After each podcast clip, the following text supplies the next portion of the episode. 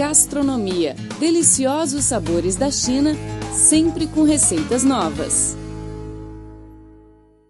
Olá, querido ouvinte, tudo bem? Está começando mais uma edição do programa Gastronomia.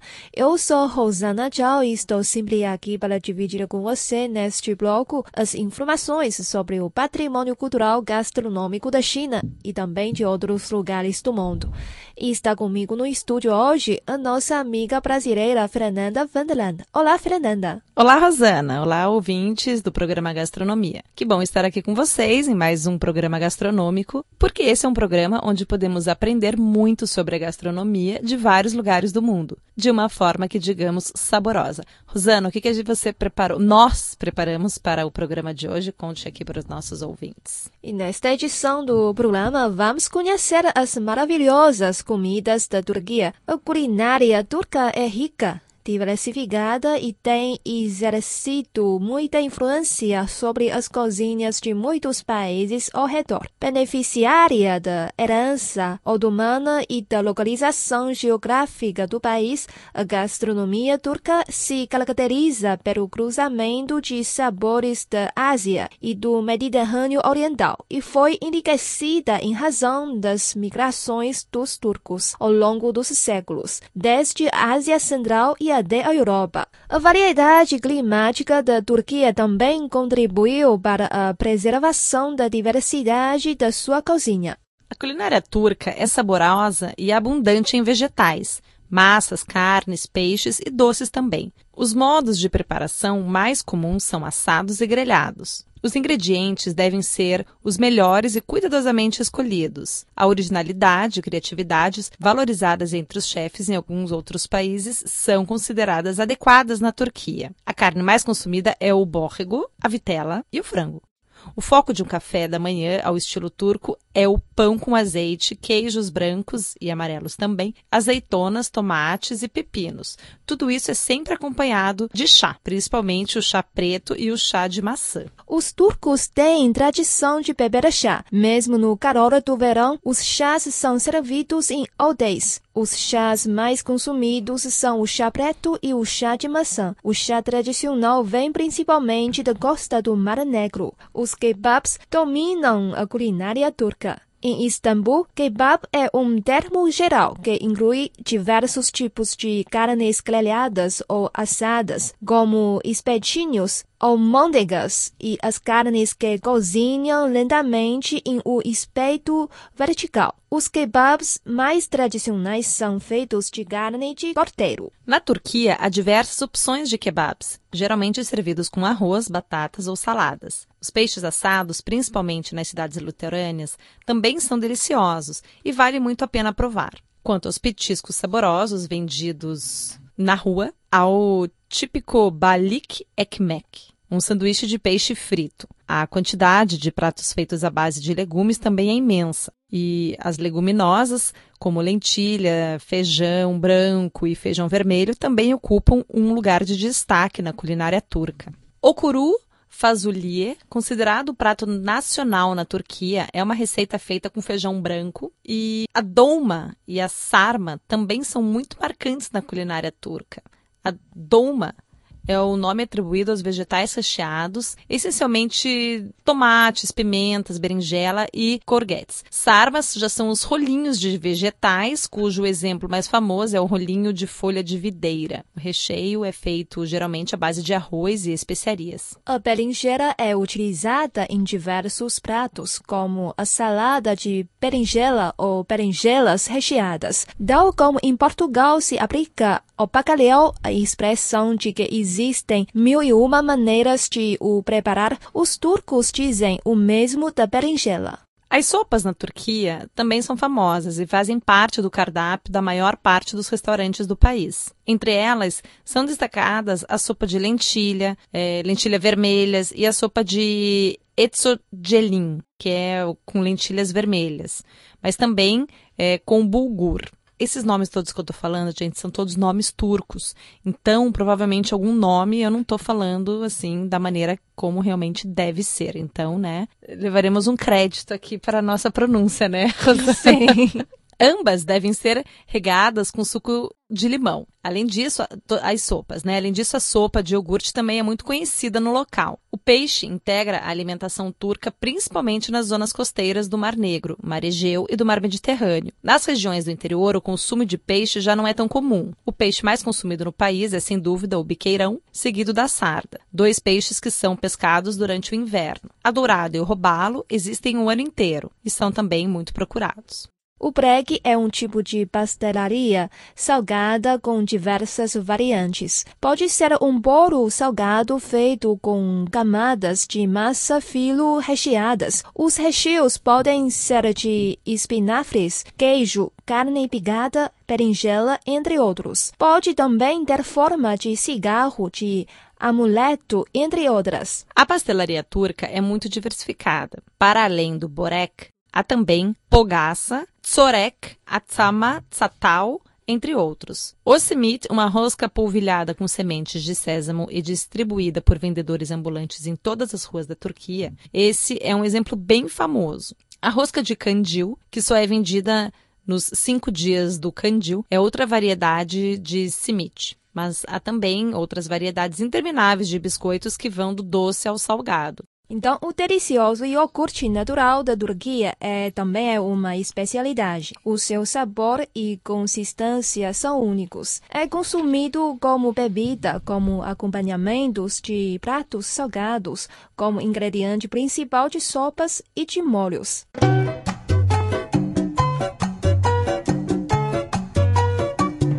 Os queijos turcos são deliciosos. O keyamak é um verdadeiro manjar é feito a partir da nata do leite por processo artesanal e pode ser misturado com o saboroso mel turco. A Turquia tem a sua própria fast food, que é mais apreciada pela generalidade dos turcos. Os exemplos mais populares é a pide e o lanmakun, duas variantes semelhantes à pizza, mas com diferenças bem marcadas em termos de massa, recheio e tempero. O goldseleme, crepe salgado recheado, e o kupir, que é uma batata recheada, também outro tipo de, de, de comidas que nós podemos encontrar em fast food ou quiosques turcos também. As sobremesas turcas dividem-se essencialmente em doces de leite e doces com calda de açúcar. Existem variedades deliciosas de doce de leite, cujos exemplares mais famosos são o arroz doce, o Katsandibi Muhallebi. Os exemplos mais famosos da doçaria turca são a baklava e os sekerpare. São muitas as variedades de doces feitos com a massa filo ou a massa kadayif recheados com pistaches, nozes ou avelãs e regados com calda de açúcar.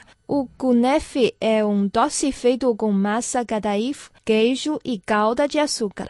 Há também vários tipos de elva, um doce que pode ser feito à base de farinha ou semolina e manteiga. O café turco, chá turco, ayran, botsa, salep e raki são algumas das bebidas tradicionais da Turquia. Beber raki, uma bebida nacional do país, é um ritual acompanhado por uma grande variedade de entradas e músicas turcas, né? A Turquia também produz vinho com boa qualidade, cerveja, vodka e licores. Não podemos também esquecer que as bebidas também estão muito presentes aqui na culinária turca. Quando alguém é recebido numa casa turca, por exemplo, é surpreendido com uma variedade impressionante de pratos e também uma bebida diferente. Pode ser o chá ou um licor, alguma coisa made in Turquia, né? Feito na Turquia. A melhor forma de provar a verdadeira culinária turca é, sem dúvida, na casa dos turcos. E existem também restaurantes na Turquia que oferecem o vasto leque de pratos de comida caseira turca, especialmente nos lugares mais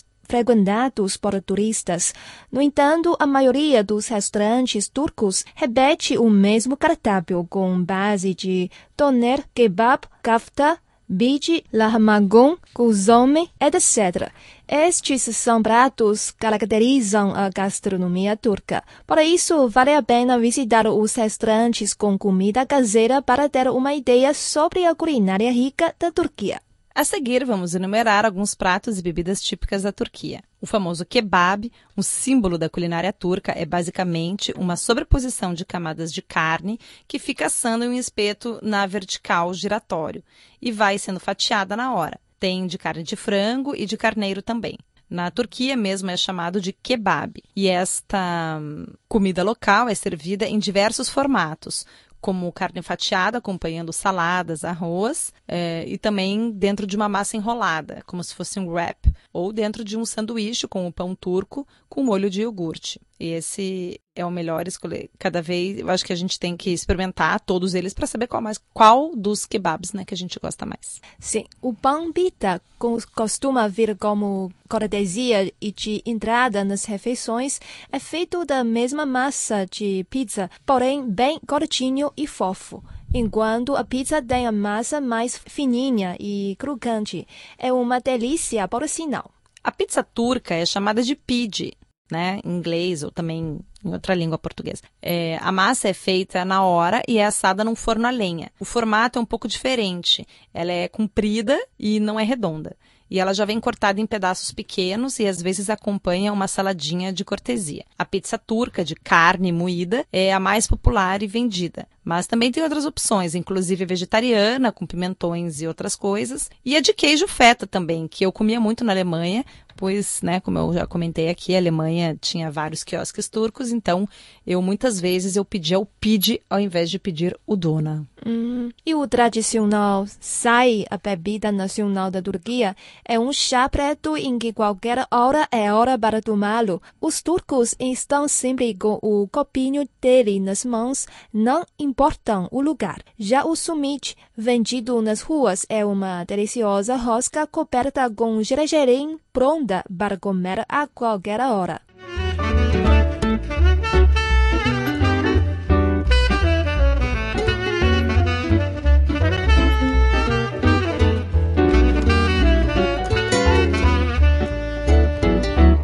A seguir, vamos aprender a preparar um prato turco bem saboroso. A receita é a lasanha turca com carne moída e berinjela, conhecido como moussaka em turco. A moussaka é um tipo de lasanha feita com carne moída e berinjela, típica da culinária grega também, e incorporada pelos turcos, devido à proximidade entre os dois países. Então, anote aí os ingredientes da moussaka. Os Ingredientes são 600 gramas de berinjela, meia xícara de chá de azeite de oliva, duas cebolas picadas, dois dentes de alho espremidos, meio quilograma de carne moída, três tomates maduros sem pele e sem sementes picados, uma xícara de chá de vinho branco seco, uma colher de sopa de farinha de rosca, sal a gosto, pimenta a gosto, canela a gosto, noz moscada a gosto, dois ovos com claras e gemas separadas,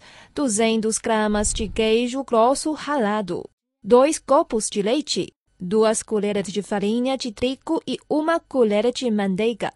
O modo de preparo é o seguinte: Corte as berinjelas no sentido do comprimento, em fatias finas, salgue e deixe escorrer sobre uma peneira por uma hora. Aqueça a metade do azeite e dore o alho e as cebolas, junto com a carne e mexa bem até ficar refogado.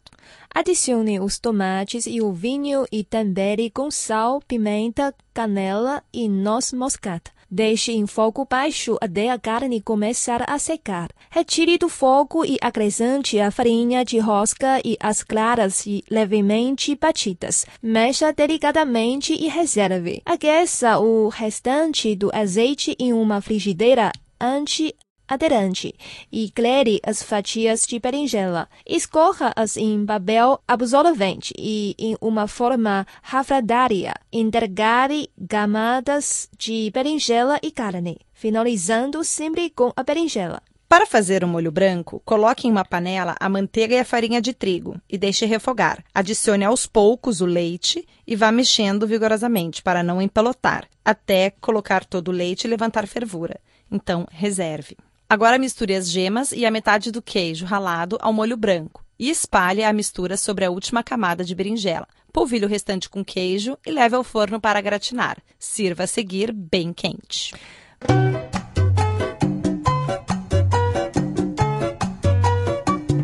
Bom, chegamos ao fim do programa. Eu sou Rosana Tchau. Muito obrigada pela sua companhia.